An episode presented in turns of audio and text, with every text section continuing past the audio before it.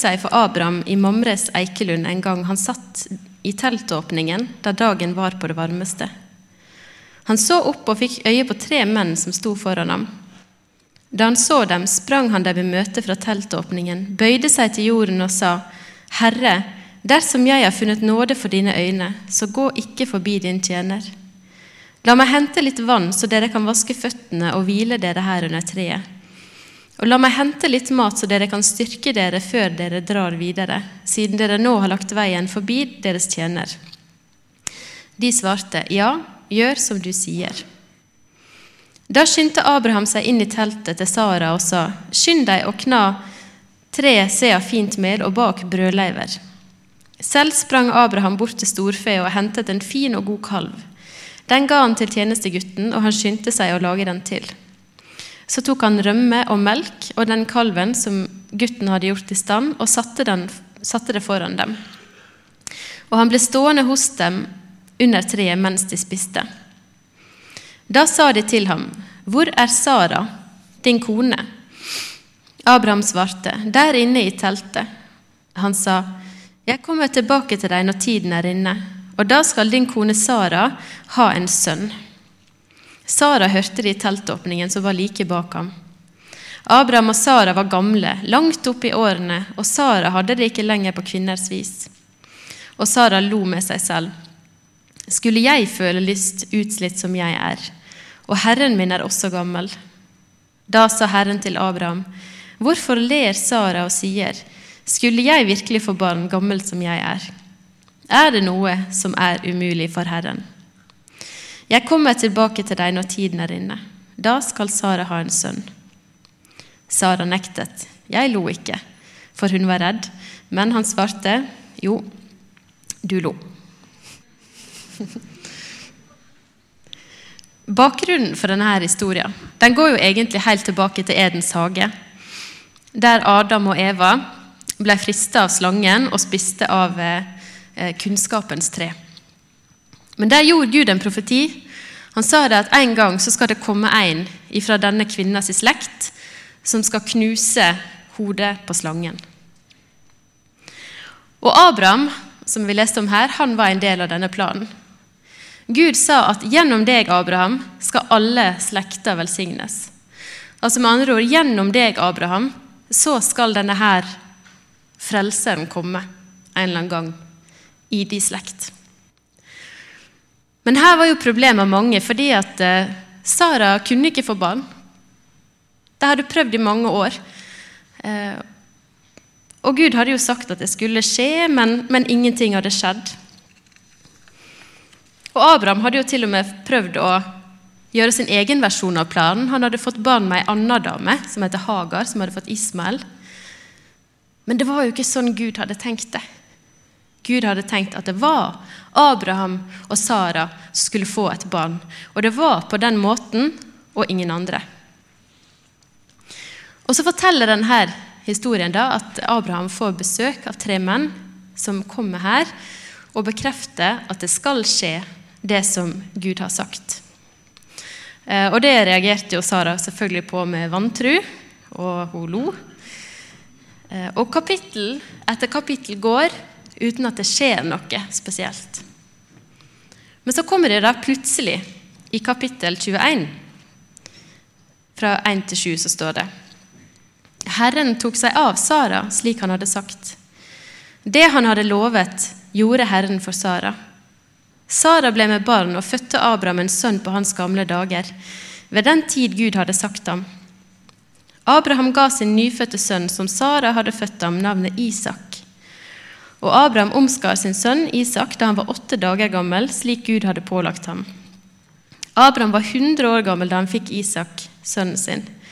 Da sa Sara, Gud har fått meg til å le, og alle som hører dette, kommer til å le med meg. Og hun sa, Hvem kunne sagt til Abraham at Sara skulle amme barn? Men nå har jeg født ham en sønn på hans gamle dager.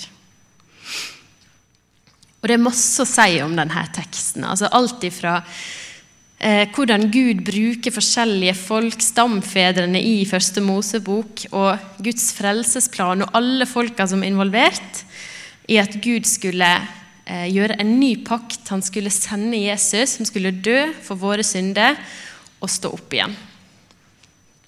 Men jeg tror at hovedbudskapet i denne teksten det er at det som så ut til å være umulig, det var mulig. At Gud han kunne gi Abraham og Sara en sønn, selv om egentlig alt tyder på at det ikke var mulig. For han hadde lovt det, og da ble det sånn. Og Jeg tipper at denne hendelsen at den satt ganske tydelige spor igjen i dem, i Abraham og Sara, og ga dem nok lærdom som de satt igjen med livet ut. Kanskje spesielt når det kommer til eh, to ting. Tålmodighet. Og nummer to det å stole på Gud. Og det er det her jeg har lyst til å se mer på i dag. For jeg har lyst til å se på den delen av historien som det egentlig ikke står så masse om. Den tida fra de hadde fått vite at de skulle få et barn, til de faktisk fikk det barnet. Den tida når de egentlig bare måtte stole på at det Gud har sagt, det skal skje. Og når tida egentlig, utenom besøket av disse tre mennene, når det egentlig bare var veldig stille Og det er tema for talen min i dag når det blir stille. Hva gjør vi da? Og stillhet, det er ikke noe vi er vant med i 2019. Jeg vil si at unntaket i livet vårt er stillhet. Fordi at blir det stille, så setter vi gjerne på musikk, eller så tar vi opp telefonen og, og fyller livet med liksom visuelle inntrykk. Og det blir liksom nesten opphøyd å ikke ha det stille. Sant? Ikke ta det med ro, ikke ta pauser. Du skal studere, du skal jobbe, du må ikke ta deg noe fri i år. Eh, du må ha masse hobbyer, og kalenderen skal være full, og du skal ikke gå glipp av noe. Eh, og Funker ikke det, så prøver vi noe annet, og så bare peiser vi på i et forrykende tempo.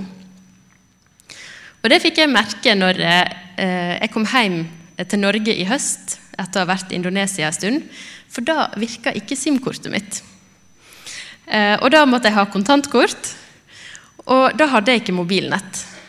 Og jeg hadde ikke mobilnett i tre måneder. Så det betyr at når jeg måtte sitte på venterom eller hva som helst, så kunne jeg ikke ta opp mobilen. Og det var veldig deilig. Det anbefales. Plutselig så begynte jeg å legge merke til ting rundt meg. og Plutselig så begynte jeg å tenke på ting som jeg ikke hadde fått tenkt på på lenge. Og så videre, så videre. Det anbefales.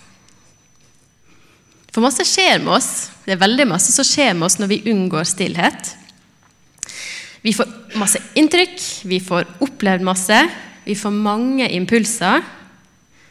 Men så tenker jeg at som kristne så skal vi tenke på stillhet på en litt spesiell måte, fordi at Bibelen er full av personer som opplevde lange perioder med stillhet.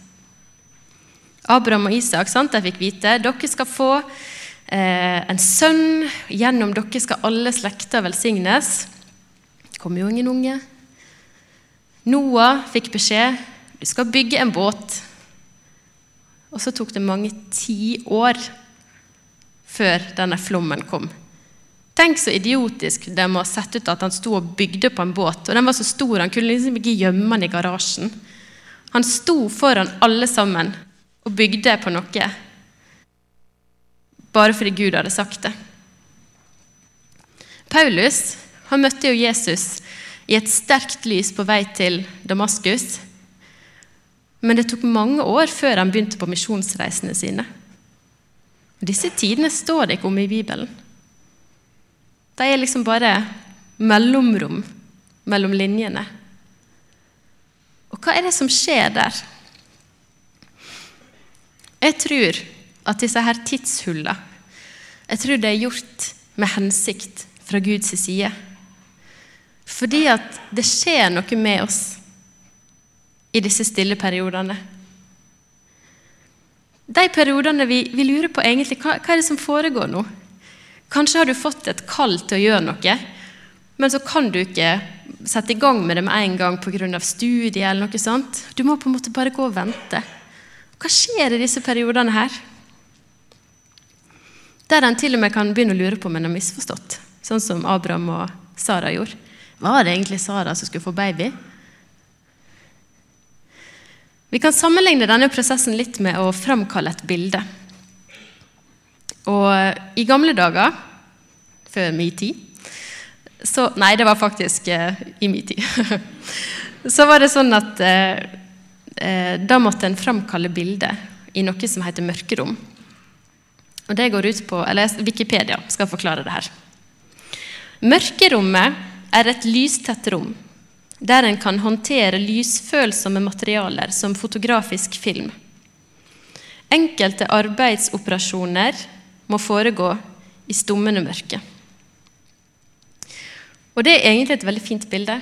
fordi at Hvis du skulle framkalle bildet på denne måten, her, så måtte du ta den filmrullen inn i mørket, og så måtte den være i mørket til bildet var ferdig. Hvis du åpna døra for tidlig, og det bare kom litt lys inn, så var det ødelagt. Og Jeg tror nok kanskje eh, at Sara og Abraham kunne kjenne seg litt igjen i det her. Um, at For at Gud skulle få framkalle bildet det han vil ha, for at det skulle skje det som han ønska, så måtte det på en periode bare være litt sånn mørkt. Stille. Arbeidsro. Fordi hva er det som kan lære oss tålmodighet? Og hva er det som kan lære oss å stole på Gud? Det er tid. Tid er en kjempeviktig faktor i det å lære tålmodighet. Det er tid som må til for å bygge karakter. Det er masse som kan læres i løpet av en dag, eller en time, eller et minutt, men ikke tålmodighet. Det kan bare læres ved hjelp av tid. Og det eneste som kan bygge min karakter, det er at jeg står fast over tid. At jeg ikke i prosesser som tar tid, at jeg ikke gir etter for det jeg sjøl vil, men at jeg velger å stå fast på det Gud har sagt i Bibelen, sjøl når jeg ikke ser umiddelbare resultat. Så med andre ord, alt som går på liksom tålmodighet og tillit og tru og sånne ting, sånne ord som høres liksom veldig fint ut, det er ofte dyrkjøpte erfaringer. For det harde faktum er, sånn som Abraham og Sara fikk oppleve, er at tru det er noe vi trenger når vi egentlig vil tvile. Det er ikke så veldig vanskelig å tro når det står og liksom lovsynger med mange tusen rundt deg, og alle liksom er, er, helt med Det er kanskje når du sitter alene og føler deg ensom og tenker liksom Hva er egentlig meninga med alt det her? Og tålmodighet, det er noe du trenger når du egentlig bare har lyst til å gi opp. Når du egentlig bare har lyst til å gå.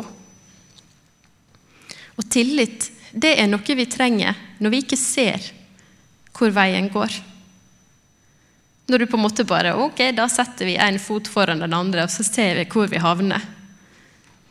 Det er, det er tillit. Og kjærlighet, det er noe vi trenger når vi egentlig ikke orker å bry oss. Så i et 2019-perspektiv, der alt skal skje fort, alt skal eksponeres, alt skal ut, alt skal fram, så er det egentlig ikke så veldig glamorøst å stole på Gud. Og det er egentlig ikke så veldig attraktivt heller å være tålmodig, fordi at det skaper ikke noe umiddelbare resultat. I de periodene når du må være tålmodig og stole på Gud, så er det ingenting å legge ut på Instagram. For det er bare tid og stillhet og Gud som jobber i deg. Men disse her periodene, de trenger vi. Og vi må tåle og jeg snakker til meg sjøl, og dette har jeg fått kjent på sjøl òg. Jeg må tåle å ikke alltid være like viktig. Jeg må tåle å ikke alltid være like synlig, like eksponert. Og jeg må tåle at livet ikke alltid er fullt av høydepunkt. Fordi det er i det stille, det er i det skjulte, det er det som ingen ser, og ingen som kan skryte over, at Gud virkelig jobber i oss. Jeg skal lese fra 1. Peters brev 1, 3-9. Lovet være Gud, vår Herre Jesu Kristi Far, Han som i sin rike miskunn har født oss på ny, til et levende håp ved Jesu Kristi oppstandelse fra de døde, til en arv som aldri forgår, aldri skitnes og aldri visner. Den er gjemt i himmelen for dere, dere som i Guds kraft blir bevart ved tro, så dere kan nå fram til frelsen. Her snakker jeg altså teksten om målet for trua vår. Den ligger alt ferdig til å bli åpenbart ved tidens ende. Derfor kan dere juble av glede, selv om dere nå en kort tid, om så må være, har det tungt i mange slags prøvelser. Slik blir troen deres prøvet. Selv forgjengelig gull blir prøvet i ild. Troen, som er så mye verdt, må også prøves, så den kan bli til pris og herlighet og ære for dere når Jesus Kristus åpenbarer seg. Ham elsker dere enda dere ikke har sett ham. Ham tror dere på enda dere nå ikke ser ham. Og dere jubler og er fylt av en glede så herlig at den ikke kan rommes i ord, for dere når troens mål, frelse for deres sjeler. Derfor kan dere juble av glede, selv om dere nå en kort tid, om så må være, har det tungt i mange slags prøvelser. Tenk om Sara og Abraham kunne fått de orda. Slik blir troen deres prøvet. Selv forgjengelig gull blir prøvet i ild. Troen, som er så mye mer verdt, må også prøves, så den kan bli til pris og herlighet og ære for dere når Jesus Kristus åpenbarer seg. Men jeg må forklare litt rundt dette her, fordi her er det veldig mange fallgruver når en snakker om dette her. For målet med disse stille tidene når, det kanskje oppleves bare som at livet ja, livet står litt på vent. Det, står stille. Du veit ikke helt hva du skal. Kanskje neste år eller neste uke eller hva som helst. Målet er ikke å ha det tungt eller å lide. Og hvis du kjenner at, at du på en måte lider i hverdagen uten noe mål og mening, eh, da vil jeg anbefale deg å, å å snakke med noen om det. Fordi det er ikke sånn vi skal ha det. Det er ingen som skal gå og på en måte lide uten mål og mening. Det er ikke noe, veldig, er ikke noe kristent ved det. liksom. Har vi det vondt, eh, så skal vi få hjelp for det. Og det, er det, eh, det har jeg gjort, og det er det mange som må, og det er helt, helt vanlig. Det å være i en sånn prosess der Gud får jobbe med oss, jobbe med den fremkallinga, det skal bære med seg et håp om hva som kommer ut på andre sida. Det er en kjempeviktig nøkkel i det hele. Jeg kan ta et eksempel fra mitt liv. Nå flytta vi til Narvik for to uker siden. Og jeg skal jo innrømme det, at det er faktisk ikke så veldig kult å tråkke rundt i Narvik og ikke kjenne noen. Og så får du snap sant, fra venner som møtes Eh, til middag etter jobb. og så får du film fra familien som møtes til familieselskap, og du går glipp av liksom den 50. bursdagen til tantebarna dine. Og så går, sitter du der i stua og kjenner ingen. Eh, så er ikke det nødvendigvis veldig kult.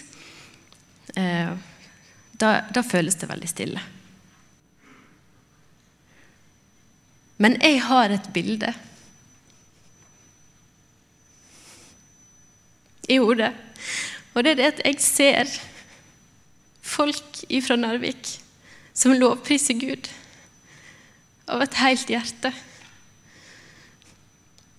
Som har fått tilgivelse for syndene sine, og som har blitt reist opp til et nytt liv ifra bitterhet, ifra sorg, ifra sår ifra fortida, og som har fått møtt den levende Gud. Og da er det helt greit. Da er det det håpet som jeg bærer med meg. Og der kjenner jeg meg faktisk heldig som får lov til å sitte der. Og enda jeg ikke kjenner noen, for jeg vet at Gud har tenkt å la meg, la meg få være med på det her. Men jeg vet at han trenger å jobbe med meg for at jeg skal bli i stand til å tåle den oppgaven som vi har foran oss.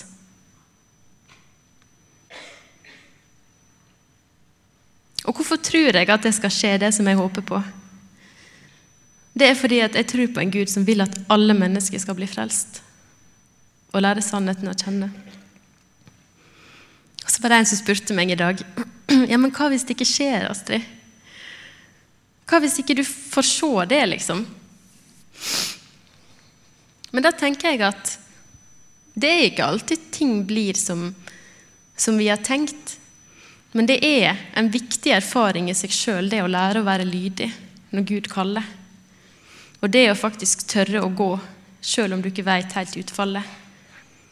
Og det vil ikke være noe nederlag om det ikke skulle skje, fordi at da har jeg fått lov til å bli formet av Gud. Og det er faktisk en verdi i seg sjøl.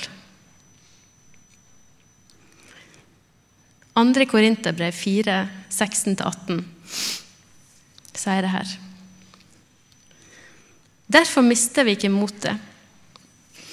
For selv om vårt ytre menneske går til grunne, blir vårt indre menneske fornyet dag for dag.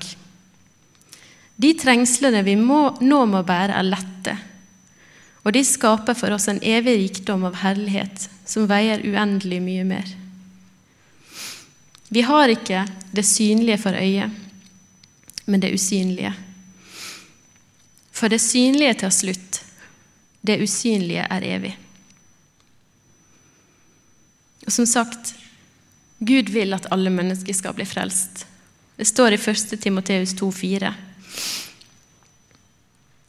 Og det var jo ikke et mål for Abraham og Sara bare at de skulle få et barn. De skulle få et barn fordi at hele verden skulle få en frelser. Og det var et ledd i den planen. Og På en samme måte så handler ikke de prosessene i livet ditt som Gud gjør med deg, bare om deg. For det handler om Vi har fått samme oppdrag, vi òg. At gjennom oss så skal verden få se at det er en frelser. Den samme frelseren som var lova til Abraham. Til alle som tror at Jesus er Guds sønn. Det handler egentlig ikke så veldig masse om meg, men det handler om Gud. Men det som er så fint, er at det å overgi seg til Gud, det å bare legge ting over på Han Som du snakker om velsignelse, det velsigner oss tilbake. For jeg skal fortelle deg hva som skjer i det mørkerommet når Gud, når Den hellige ånd får lov til å jobbe med deg. Og Det står i Galaterbrevet 5, 19-25. Først kommer det som skjer hvis vi ikke tillater det her. Da kommer dette. Det er klart hva slags gjerninger som kommer fra kjøttet. Hor, umoral, utskeielser, avgudsdyrkelse, trolldom, fiendskap, Strid, sjalusi, sinne, selvhevdelse, stridigheter, splittelse, misunnelse, fyll, festing og mer av samme slag. Jeg har sagt det før, og jeg sier det igjen. De som driver med slikt, skal ikke arve Guds rike. Men hvis du tillater stillheten, tillater Guds arbeid inn i ditt hjerte, så står det at åndens frukt er kjærlighet, glede, fred overbærenhet, vennlighet, godhet, trofasthet, ydmykhet og selvbeherskelse. Slike ting rammes ikke av loven. De som hører Kristus til, har korsfestet kjøttet med dets lidenskaper og begjær. Lever vi ved Ånden, så la oss også vandre i Ånden. Det som blir skapt i det her mørke, stille rommet, det er Åndens frukt, og det er evnen til å bære fram evangeliet. Om Jesus med alt det innebærer. Og når det her får vokse fram i oss, da vil folk merke det på oss. Det er klart noen vil merke hvis du plutselig er prega av glede og fred. Det betyr ikke at vi liksom alltid klarer å være glad hver dag. Det klarer ikke jeg. Men, men jeg slutter ikke å søke Gud av den grunn. Og, og Hvis folk da lurer på hvor du har det fra, så kan du si at det her er ikke mitt verk, men det er fra Gud. Og han kan gi deg det samme, og han kan frelse deg. Så jeg vil bare si til deg at ikke vær redd når det blir stille rundt deg. Du som ikke helt vet hva du skal gjøre med dagene dine. Heldig. Bare omfavn det. Jeg vil si til dere jag etter stillhet. Ikke fyll opp kalenderen din hver uke helt stappfull, uansett om det er kristne aktiviteter eller ikke. Jesus tok òg tid til å være helt alene med Gud i stillhet. Du trenger det, og ikke minst de rundt deg som ikke tror, trenger det mest. Så ta imot det Gud kan gjøre deg. Ta imot den tålmodigheten og den tilliten han kan skape i deg. For som jeg har sagt nå tre ganger, Gud vil at alle mennesker skal bli frelst. Og han har lyst til å bruke deg. Og det er en fantastisk reise å få lov til å være med på. Jeg har lyst helt til slutt å bare gi dere et løfte fra Gud, som står i Isaiah 45, 45,3. Jeg vil gi deg skatter som er skjult i mørket, og rikdom er gjemt på hemmelige steder, for at du skal kjenne at jeg er Herren, som kaller deg ved navn, Israels Gud.